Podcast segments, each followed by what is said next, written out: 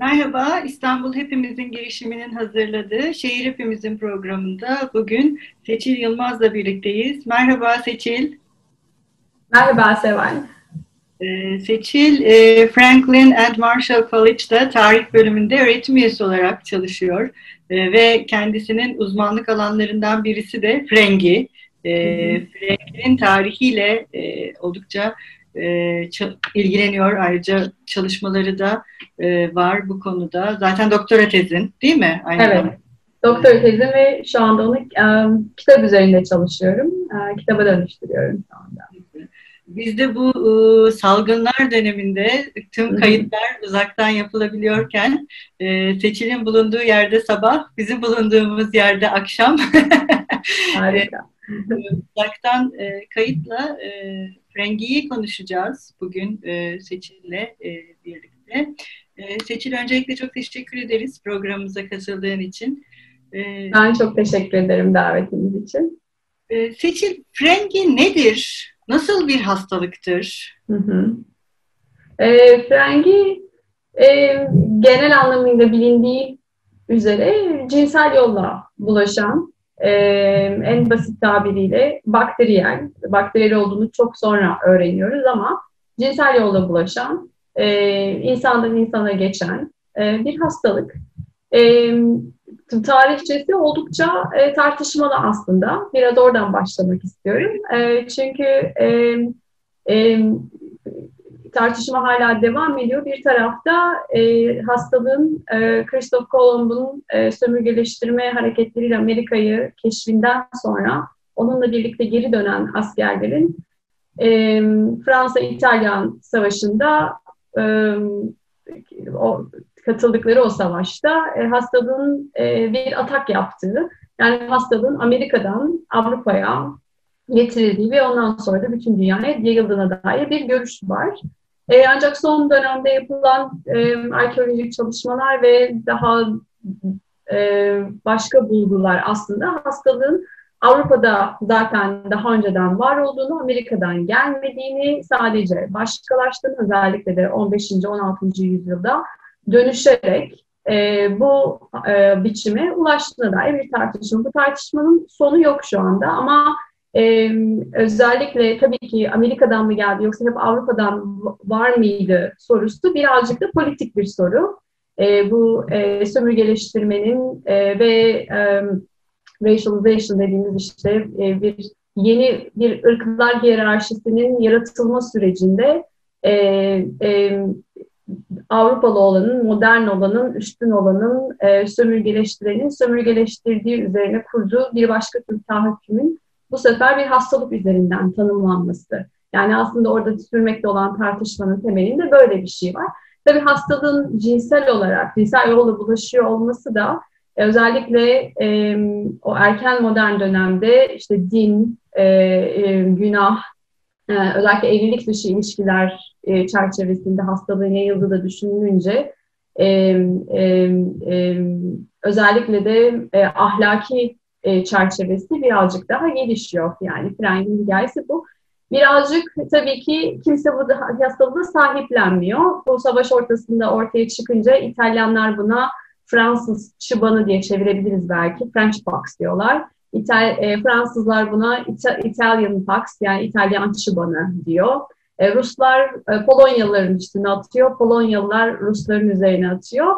Ve bizde de hastalığın adının frengi olması e, birazcık bundan kaynaklanıyor. E, hastalığın kaynağının e, Osmanlı'nın olmaması ama bunun batıdan gelmiş olması, Batılıların getirmiş olmasına dair bir e, bir düşünce var. Kamusu Türkiye'de Şemsettin Sami de aynen bu şekilde hem de bu tartışmaya dahil olarak aslında bunu tanımlar.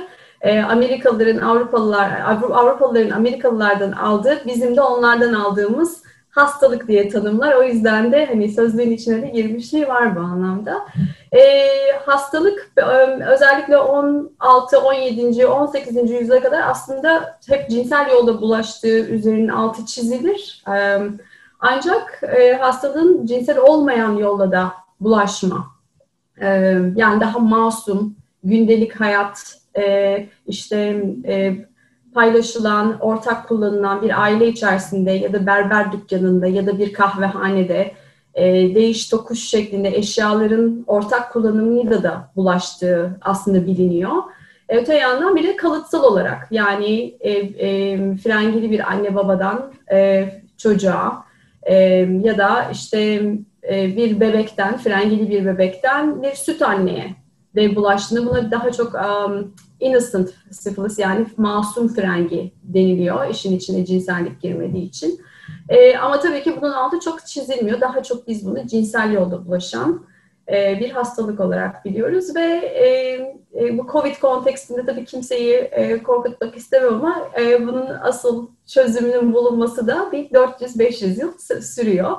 E, e, ve bir taraftan frengi diğer e, kendi çağdaş daha felaket, daha ölümcül hastalıkları özellikle 19. yüzyıl e, bağlamında düşündüğümüzde, vebayı düşündüğümüzde, kolerayı düşündüğümüzde, tifüsü düşündüğümüzde daha az ölümcül bir hastalık. Yani çeşitli aşamalarla hastalık ilerliyor. Genellikle dört aşaması var. Dördüncü ve en son aşaması e, beyin e, enfeksiyonu yani deliliğe e, e, e, uzanan bir e, süreci var. Yavaş e, ilerleyen bir hastalık. Daha az ölümcül ama yine de çok korkutucu. Çünkü özellikle yani kişisel düzlemde korkutucu çünkü bedende çok ciddi arızalara sebep oluyor. Özellikle ikinci, üçüncü aşamada e, düşen burunlardan, düşen kulaklardan, e, eriyen kemiklerden bahsedebiliriz. Yani bir e, e, engelli, bir disability e, şeyi yaratıyor. E, bedenin e, e, e, çalışamaz hale geliyor aslında. Öte yandan tabii ki e, bir kolera kadar iki günde öldüren, yatakları düşüren bir hastalık değil. O yüzden de saklanması kolay. E, bulaşıcı olmasına rağmen kişinin kendi bedenini örterek, gizleyerek, yani bir taraftan cinsel yolla bulaştığı için bir damgalanma tehlikesi var. Ama öteki taraftan da hastalığı aslında örterek, kapatarak e, e, o utançla da tırnak içinde e, yaşama olasılığı var. Dolayısıyla hastalık o anlamda bir bir e, bir hikaye aslında bize sunabiliyor. Öyle bir potansiyeli var. Ben de onun peşinden gidiyorum. E, yani böyle bir hem bir taraftan saklanabilir, bir taraftan e, toplumsal damgaya açık bir hastalık bize özellikle de 19. yüzyıl Osmanlı toplumu ile ilgili ne anlatır? E, birazcık ben o hikayenin peşindeyim. Evet oradan e, geçelim istersen e, Seçil. Yani evet. bu 19. yüzyıl Osmanlı toplumu e, Frengi ile nasıl tanışıyor? Frengi hakkında ne düşünüyor? E, Frengi nasıl algılanıyor bu hı hı. toplumda? Hı hı. Tabii, tabii konuşalım e, bunları. E, yani Frengi Osmanlı toplumunda aslında 15. yüzyıldan beri biliniyor. E, yani bunu bu konuda özellikle erken moderne dair çalışmalar hala çok e, sınırlı. E, kaynaklar o anlamda birazcık sınırlı. O yüzden benim bilgim de o döneme dair birazcık sınırlı ama e, Nuran Yıldırım'ın yazdığı çok kısa bir makaleden bildiğimiz kadarıyla 15. E, yüzyılın hemen e, başlarında yazılan bir tıbbi kitapta, onun en arka sayfasında Frengi'nin varlığını, Frengi'ye Frengi olarak atıfta bulunulduğuna dair bir bilgi var. Yani aslında uzun yüzyıllar hastalık özellikle de işte e, halk arasında farklı isimlerle gülleme ve benzeri isimlerle de e, biliniyor. E, bunun cinsel yolla bulaştığı da biliniyor. E, ama e, hastalığın kendisinin bir kamu sağlığı yani benim e, asıl ilgilendiğim, e, arkasından gittiğim cevaplar, so, e, sorduğum sorular ve cevaplar biraz bununla ilgili. Özellikle 1860'lardan itibaren ilk kez Osmanlı'da dev, devletin e, gündemine bir kamu sağlığı tehdidi olarak giriyor. Şimdi e, basit bir folklorik e, elementten bu noktaya gelmesi için çok e, e, önemli bir takım toplumsal semptomlar var. Bunları anlamamız gerekiyor diye düşünüyorum. E, bunlardan bir tanesi yani ilk kez 1860-65 civarında bütün e, şeylere, bütün e, e, bölgelere, bütün eyaletlere işte bir mektup gidiyor ve sınırlarınız içerisinde frengili var mı? Bunun için ne yapıyorsunuz sorusu bunun temel sebeplerinden bir tanesi Osmanlı'da özellikle de Kırım Savaşı sonrasında bir e, mobilizasyon, özellikle erkekleri askere alma e, meselesi var. Bu erkekleri askere alırken devlet ilk kez e, bu askere alınacak bedenler devlet dediğimiz unsurda karşı karşıya geliyor ve bunun arasındaki o aradaki kişi bir doktor. Doktor o bedene bir dokunuyor, o bedeni bir anlamaya, sağlıklı mı değil mi? Sağlıklıysa askeri alabilir miyiz? Eğer e, hastalıklıysa nasıl bir hastalık? Bu süreçten, bu süzgeçten geçiriyor. Dolayısıyla hikayenin temelinde bu mobilizasyon, e, bu e, askeri alma süreci var. E, öte yandan yine bu dönem e, Osmanlı'da çok ciddi bir e, e, e, altyapı oluşumu ve bunun için işte yolların açılmasında, e, şehirleşme sürecinde özellikle de e, mülksüzleşmiş köylünün e, şehre doğru gitmesi, orada iş bulmaya çalışması. Bunlar genellikle erkeklerden bahsediyoruz. Yani toplumun en hareketli kesimi yine erkekler. Ve bu süreçte bu hareketliliği bir hare- e, kontrol edebilme e, e, arzusundan kaynaklanan yine bir hastalık e, meselesi. Yani bu bu hastalıkların e, köyden kente, kentten köyde köye taşınmasını engellemek için bir kafa yorulma meselesi söz konusu. Ama en önemlisi, benim için özellikle en değerlisi bu dönemde tıbbın modernleşmesi, tıbbın profesyonelleşmesi. Tıp dediğimiz unsurun tıpkı bir e, anayasa yazar gibi e, kurallarının, tıp, tıp, tıp mesleğini kimin icra edeceğini, nasıl icra edileceğini yeniden tanımlanması. Yani bu çerçeve içerisinde bir kamu sağlığının e, icat edilmesi. Frengi tam olarak bu noktada devletin ilk kez kamu sağlığı e, e, gündemine giriyor. Bu bir e, e, bir tarafa koyacak olursak işte tam olarak bu süreçte aslında e, Anadolu'ya, Taşra'ya Osmanlı e, doktorlarını yollamaya başlıyor. Bir e, e, e, doktorlar köy köy, kasaba kasaba e, gezip bu frengenin peşine düşüyorlar ve özellikle Kastamonu civarında, yani Kastamonu vilayetinde e, en çok neredeyse yüzde bazı yerlerde yüzde yetmiş civarında ahalinin e, frengili olduğu anlaşılıyor. E, burada çok özel bir durum var. Şimdi Avrupa'da da tabii ki hastalık çok yaygın. Ancak Avrupa'daki hikaye birazcık e, kentin merkezinde özellikle de e, e, özgür yaşayan o yeni endüstriyel devrim sonrası e, de, değişen dönüşen kadın erkek ilişkileri ve e, emek ilişkileri çerçevesinde özgürleşmekte olan kadının önüne bir bariyer olarak geliyor frengi meselesi. E, ama Osmanlı toplumunda birazcık daha farklı bir hikaye söz konusu. E, Taşra'da özellikle de e, bundan birkaç bölüm önce Gülhan Balsoy e, etraflıca bahsetmişti. Bu toplum e, nüfus meselesine dair Osmanlı'daki kaygıların e, birazcık frengiyi e, kontrol etme e, üzerine e, plan, program, e, yeni bir e, kamu sağlığı e, programı oluşturma çabasına dönüşüyor. Neredeyse 1860'ların sonuna doğru bunları görmeye başlıyoruz.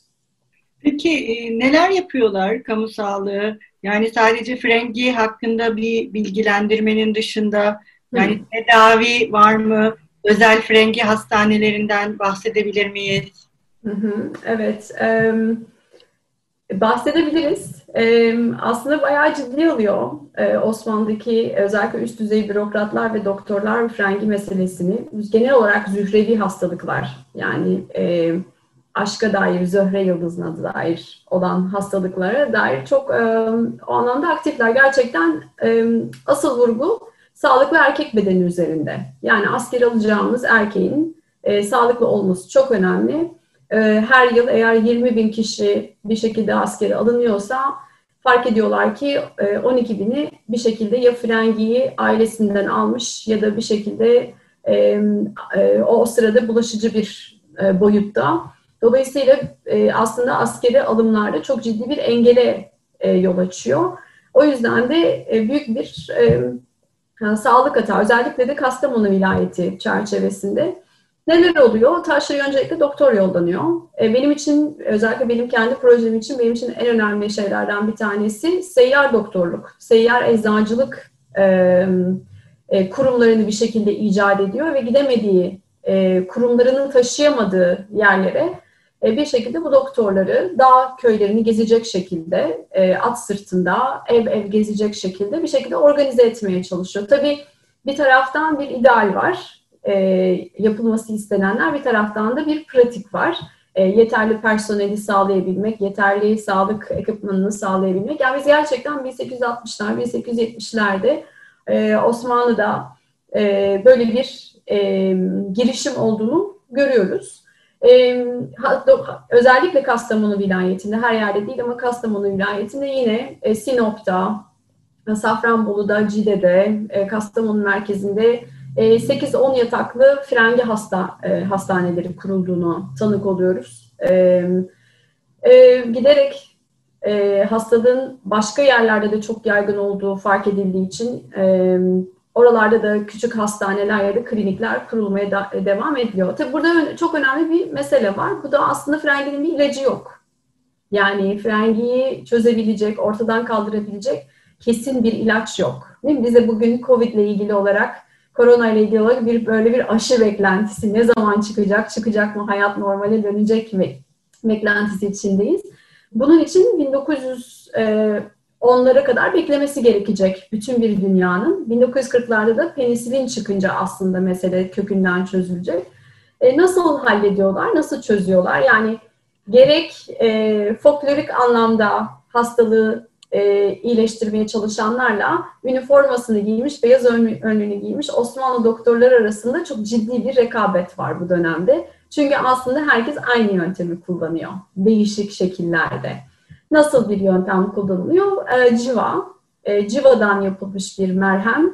E, civadan yapılan merhemle o merhemi vücuda sürülerek e, vücut ısısının yükseltilmesi, yani bir ateş, e, bir sufi, e, suni bir ateşin çıkarılması, e, sonra bir hamam terapisi, yani yine o iyice beden, bedendeki o ısıyı iyice yükselterek e, vücuttaki bakteriyle ki o sırada bakteri olduğu bilinmiyor ama o bakteriyi bir şekilde yok etmek. Şimdi bu hastalığı iyileştirmiyor ama bu hastalığı e, e, bir şekilde durduruyor. Gelişimini durduruyor. Onu uykuda bir pozisyona, dormant dediğimiz uykudaki pozisyona geçiriyor. Değil mi? E, ama 1906-1908 özellikle bakteriyoloji e, bilimindeki gelişmeler laboratuvar düzleminde bir ilacın geliştirilmesini sağlıyor. Oldukça e, kullanımı zor, e, bedene yan etkilerinin e, çokça olduğu bir ilaç ama yine de o ilk adım. Şimdi yine 1860'lar, 1880'ler, 1890'lar tam da Osmanlı'da böyle siyasi olarak da e, itiş kakışın, e, gündemin çok şey olduğu, e, hareketli olduğu dönemlerde işte bir de böyle bir gündem var. E, ve e, o anlamda o itiş kakış birazcık da o folklorik, e, daha geleneksel tıbla e, üniformasını giymiş devleti temsil eden e, doktor arasındaki o itiş kakışta o civayı kim kullanacak, nasıl kullanacak onun üzerinden devam ediyor ama hastalığın tam bir çözümü de yok. E, işte benim üzerinde çalıştığım projede birazcık e, işin bu, bu tarafını da anlatıyor. Yani aslında Seçil ilk başta da söylemiştin e, hastalığı bir sahiplenmeme yani özellikle e, bizde değil dışarıdan gelen bir hastalık olarak kabul etme. Yani o hastalığın da bir senaryosunu yazıp e, dışarıdan geldi. Biz bu yüzden kötü olduk meselesinde. Aslında Covid'de de biraz bu oldu. Evet. Benzer bir senaryo yazıldı ama tabii cinsel hastalık olduğu zaman bu iş biraz daha e, büyüyor. Peki mesela bu dönemde e, yani şeylerden biliyoruz e, mesela e, Osmanlı toplumunda e, edebiyata da çok akseden bir şey frengi. E, ve neredeyse e, erkeklerden çok kadınların frengili olması mesela edebiyatta konu ediniliyor. E, ve e, bu kadınların e, şeyi gibi laneti ve hani belalarını bulmalarının bir sembolü ve e, özellikle işte erken cumhuriyette de e, modernleşen kadının e, işte daha özgür bir hayat sürmesi ve cinsel özgürlüğünün de bir bedeli olarak frengi yakalanması. Yani hı hı. frengi böyle şey e, modernliğin ve özgürlüğün en azından edebiyat üzerinden e, konuşuyorum hı hı. ben. Kadınlar söz konusu olduğunda bir belası olarak ortaya çıkıyor. Böyle hı hı. bir metafora da dönüşüyor neredeyse. Evet. E, mesela, ama bu dönüşümde e, mesela tıpçıların yazdıkları yani frengiye dair yayınlıyorlar mı yazdıkları şeyleri? Buna dair kitaplar var mı? Ee, neler yapılıyor bu dönemde? Hı hı. Tabii tabii evet yani kitaplar var. Ee, özellikle e, bu e, doktorlar tarafından yazılan, e, doktor olmayan e, public intellectual yani bu böyle e, halka hitap eden, e, daha basit şekilde yazan e, bir e, tavsiye e, edebiyatı, bir tavsiye e, janrı da ortaya çıkıyor aslında. Yani bu çok o anlamda çok çok ilginç. Ee, özellikle yani Rıza Nur, Besim Ömer, Celal Muhtar yani bu, bu aslında başka mecralarda da e, e, e, ünlenmiş doktorlar. E, önce oturup e, frengi ve özellikle zührevi hastalıklardan, daha zührevi denmiyor henüz ama işte daha çok frengi olarak geçiyor e, bu cinsel yola, e, da, o daha bir böyle bir şemsiyet e, e, e, konsept olarak var. E, şimdi bu doktorlar neler yazıyor? Aslında bu e, erken cumhuriyette e, konte, erken, erken cumhuriyette e, nasıl bir e, hastalığın e, aldığı toplumsal cinsiyet, büründüğü toplumsal cinsiyet e, resmi biraz farklı Osmanlı kontek bağlamında. E, bu doktorlar şöyle şeyler yazıyorlar. Yani şeyin çok farkındalar. E, bu hastalık tabii ki fuş ve e, evlilik dışı ilişkiler vesaire. Bunlar özellikle de e, e, seks işçiliği, seks işçileri bunun bir kaynağı evet ama temel kaynak aslında asıl durdurmamız gereken, asıl disiplin etmemiz gereken bu sürekli hareket halinde olan e, tırnak içinde vicdansız erkekler. E, çünkü Yine Gülhan Balsoy'un bir önceki e, bölümde anlattığı üzere yani kadın bedeni erken e, geç Osmanlı döneminde aslında devletin en değerli unsurlarından biri haline geliyor. Kadın bedeni e, Osmanlı İmparatorluğu'nun geleceği çünkü bir üreme sadece kişinin ya da ailenin üremesi değil e, sağlıklı ırkların sağlıklı bir e, yani Osmanlı'nın üremesi de birazcık o sağlıklı kadın bedeninden geçiyor. O anlamda kadın hastaneleri açılıyor. İşte bu ebelik kurumunda bir takım modernleşmeye gidiliyor. Çocuk hastaneleri, çocuk sağlığının, çocuk hayatının yani e, e, idamesi için önemli adımlar atılmaya çalışılıyor. Yani tıbbi kontekste. E, bu servislerin, bu hizmetlerin nerelere gittiği tabii ki o tartışma konusu ama Sadece düşünce düzleminde ve girişim düzleminde bu anlamda aslında bayağı ısrarcılar gerçekten. E, o yüzden de onu korumak, kadın bedenine böyle bu şekilde böyle bir e, atıfta bulunurken onu işte bu vicdansız erkeklerin bu frengiyi e, bir, bir şekilde bir yerlerden alıp kendi evine o masum ve zavallı kadınlara getirip onlara bulaştıran erkekler olarak görüyorlar ve aslında frengi birazcık bu erkek bedeninin, erkek cinselliğinin e, disipline edilmesi için de bir araca dönüşüyor. Kadınınkisi de korunmak, kollanmak bu e, devletin bir baba figürü olarak e, ortaya çıkması ve kadın bedenini koruması e, söyle, e, söyleminde birazcık kuruluyor. O şekilde tasvir ediliyor. Kim yazıyor bunu? Celal Muhtar yazıyor. Besim Ömer yazıyor. Rıza Nur yine çok benzer bir şekilde bunları yazıyor. E, nasıl dönüşüyor? Bu erken cumhuriyetteki bu batılılaşma, batılılaşma tabii ki bunun bir parçası. Yani evet biz bizden değil bu hastalık, Rusya'dan geliyor. Ya da bizden değil bu hastalık, e, e, muhacirlerden geliyor. E, ama yine de bu bir da, e, stigmaya, bir e, do, e, damgalanmaya pek dönüşmüyor aslında. Yani başka bir yerden geliyor, evet var.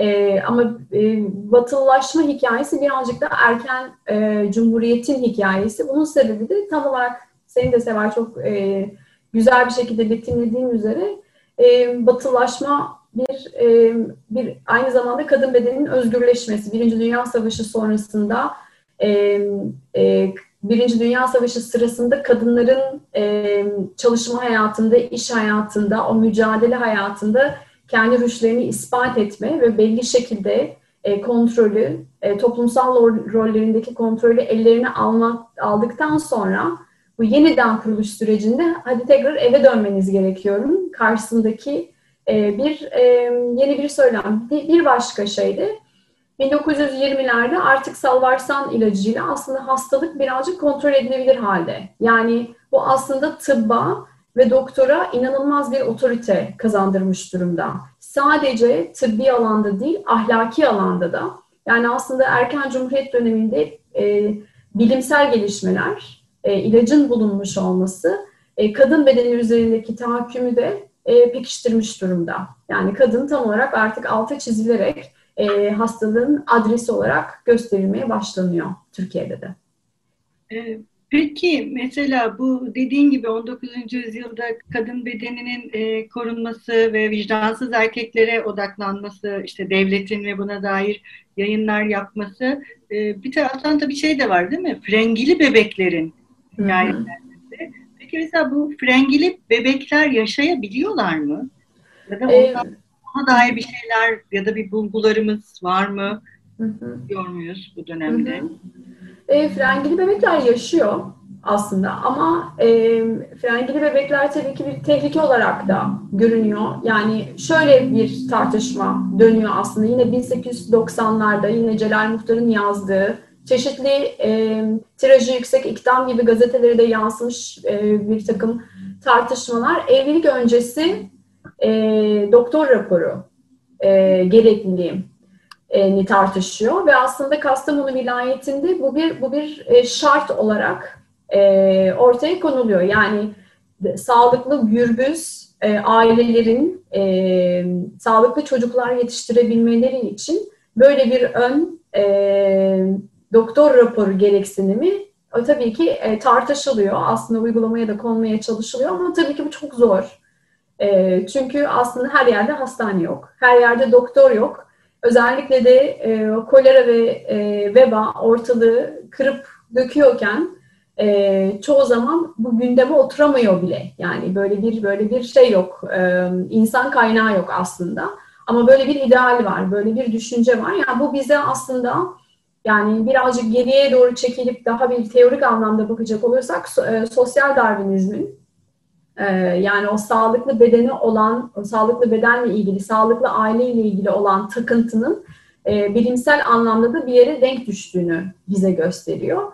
E, frengili bebekler e, kimisi yaşıyor. Yani çok e, bu, bu konudaki çok böyle genel bir tartışma da yok aslında. E, ama şeyi biliyoruz. Özellikle de bu e, çeşitli vilayetlerde, Kastamonu gibi vilayetlerde ki nüfustaki bu yüksek frengi sayısı insanlar o sırada frengi kaptığı için değil aslında birkaç jenerasyondur bu hastalığın e, e, izlerini bedenlerinde taşıdıkları için e, e, o yüzden de e, bu kadar yüksek bir rakam ortaya çıkıyor. Bunu durdurmanın yolu olarak da frengili e, e, eşler evlendirilmeli. 1923'te Besim Ömer'in çok önemli bir kitabı çıkıyor. Fen ve İzdivaç e, bilim ve evlilik. İşte tam orada, tam 1923 anlamda çok önemli bir tarih.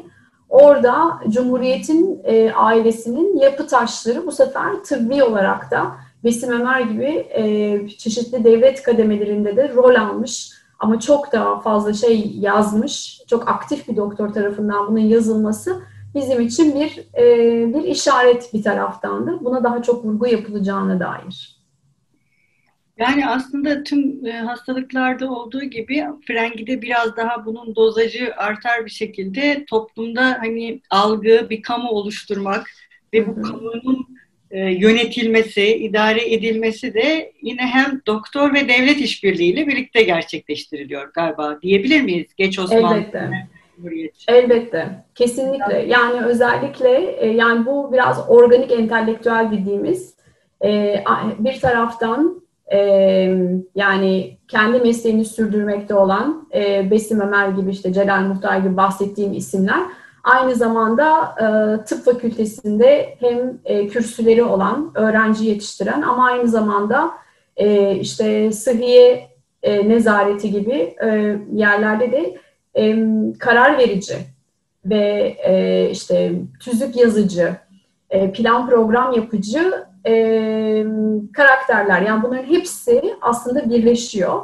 Ve bunların hepsinin birleşiyor olması bizim bu neoliberal kontekste birazcık daha şey e, alışık olmadığımız şey. Yani doktor doktorluğunu yapar öyle değil mi?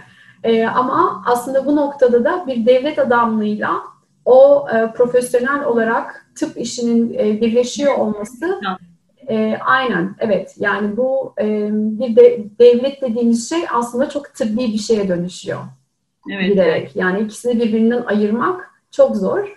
E, tabii sadece bir e, şey açmak istiyorum parantez. Yani fuhuş meselesi de tabii ki gündemde. Yani de, devlet bunu tartışmıyor değil de tam aksine yani çok uzun yıllar boyunca tıpkı Avrupa'daki bir modelin e, bir e, fuhuşun e, düzenlenme, e, vesikalandırma, vesika getirme e, birazcık karışık oradaki mesele. Çünkü Osmanlı Devleti bir şekilde yani çok e, kozmopolitan, çok e, kültürlü, çok dilli, çok dinli e, bir toplum ve özellikle 1870'lerden sonra özellikle yabancı tebaasının üzerinde e, bir şekilde o polis otoritesini e, aşamalı olarak kaybediyor ki tam o dönemde de pek çok yabancı seks işçisi e, Osmanlı'ya geliyor. E, şimdi burada tabii ki şey meselesi var. E, nasıl düzenlenir? Nereye kadar düzenlenir? Mesela Müslüman kadınların e, fuş yaptığı biliniyor ama onu düzenlemek çok problemli çünkü e, e, İslami e, hukuki çerçevede devletin bunu tanıyamayacağı, tan tanımaması gerektiğine dair bir tartışma sürüyor. Yani bunu şöyle şöyle oraya bırakayım dedim. E, yani e, vicdansız erkekler masum kadınlara karşı e, fotoğrafının dışında e, tehlikeli kadınlar da var devlet nezdinde ve bunların e, kim oldukları, e, nereye ne kadar e, bir hukuki ve e, e, kriminal bir e, otoritesini kullanabileceği sürekli sınırlı. O yüzden de 1915'e kadar e, 1915'te savaşın tam ortasında e, fuhuş e, tamamen kriminalize ediliyor. E, tek taraflı olarak işte kapitülasyonların hepsi ortadan kaldırıldıktan sonra işte ancak sadece o zaman ilk defa e, fuhuş dediğimiz şeyin anlamı ve devletin onu kontrol edebilme kapasitesi değişiyor. Yoksa fuhuş da e, bu hikayenin bir parçası o anlamda. Evet aslında ben de tam e, onu soracaktım sana ve e, bu hani dışarıdan gelme etkisi ve tehlikeli e, kadınların kendi e, ilişkileri ve bedenleri üzerinde nasıl söz sahibi e, olunur ya da devlet buna dair e, neler yapar? Peki mesela hiç şeyi bilebiliyor muyuz e, Seçil? Mesela yani umumhanedeki bir e, kadının e, bu bir hastaneye gidip kendisinde cinsel yolla bulaşan bir hastalık olup olmadığına dair e, belirli aralıklarla muayene edilmesi Hı-hı. söz konusu mu? E, ve bu ortaya çıktığında bu kadına neler oluyor? Hı-hı. Bunu biliyor muyuz? Evet biliyoruz. Naz çok biliyoruz. Ee, şöyle şeyler oluyor. İlk kez 1880'lerde e, Osmanlı'da fuhuş regüle ediliyor. Buna bir açalım yani ne demek fuhuşun regüle edilmesi? Bu şu demek, e, seks işçiliği yapan bir kadının e, öncelikle bir e, genel evde, bir umumhanede çalışıyor olması gerekiyor. Yani oraya kayıtlı olması gerekiyor. E, bu kayıtın bir kopyası poliste. Bunlara birer vesika veriliyor. Yani bu vesikalı yarın çerçevesinde de aslında bizim erken cumhuriyete dair böyle bir e, şeyimiz var, bir hafıza var. Gerçekten üstünde fotoğrafının olduğu, adının, adresinin vesaire yazılı olduğu bir vesika veriliyor. E, bu e, aynı zamanda Beyoğlu'nda bir e, e, Zürevi Hastalıklar Hastanesi açılıyor. Bu hastane böyle halka hizmet eden bir hastane olman ol değil aslında. Daha çok e, işte bu e, umumhanelerde çalışan kadınların düzenli olarak haftada bir, bazen haftada iki kere oraya e, tayini çıkmış, oraya orada görevlendirilmiş belediye doktorları tarafından düzenli olarak kontrol edilmesi. Eğer bir hastalıkları varsa hastanede kalacak şekilde, hastanede kalmalarını gerektiren bir hastalıkları yoksa e, kendi hanelerinde e, tedavi olacakları ama tedavileri bitinceye kadar da çalışamayacakları bir süreçten bahsediyoruz. Şimdi bunu yaparken bu kadınlar aynı zamanda vergi ödüyorlar. Yani bu böyle şey bir hizmet değil. E, kadınlar e, kendi çalıştıkları umumhanelere e, ve e, doktorlara ve polislere o vesika, vesikayı alırken, hastaneye giderken düzenli olarak bir vergi ödüyorlar ve aslında buradan çok da büyük bir gelir elde ediyor e, sonra bu gelirin aslında o hastaneye geri yatırım olarak dönmesi gerekiyor ama bu pek olmuyor. E, ama evet yani bu pratik, bu İstanbul düzleminde tek bir hastane ve bu aslında bu regülasyon sadece 6. daire belediye yani sadece Beyoğlu için geçerli. O yüzden şöyle komik, komik, trajikomik olabilecek bir şey oluyor.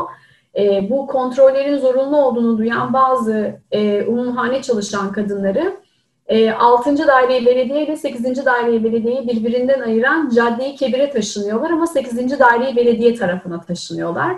Orada böyle bir regülasyon olmadığı için de aslında e, herhangi bir doktor kontrolüne tabi olmadan mesleklerini icra etmeye devam ediyorlar. Şimdi bu hem bir taraftan az önce bahsettiğim şey yani devletin ideali yani Osmanlı Devleti'ndeki bu girişim meselesi yani bunu bizim kontrol etmemiz gerekiyor ama o şeyin o yönetsellik kapasitesinin de sınırlı olması halini bize çok açık bir şekilde gösteriyor. Bu buna benzer uygulamalar İzmir'de, e, Adana'da, Beyrut'ta e, yani daha çok büyük e, liman şehirlerinde devam ediyor. Bir noktanın altını çizmek istiyorum yalnız.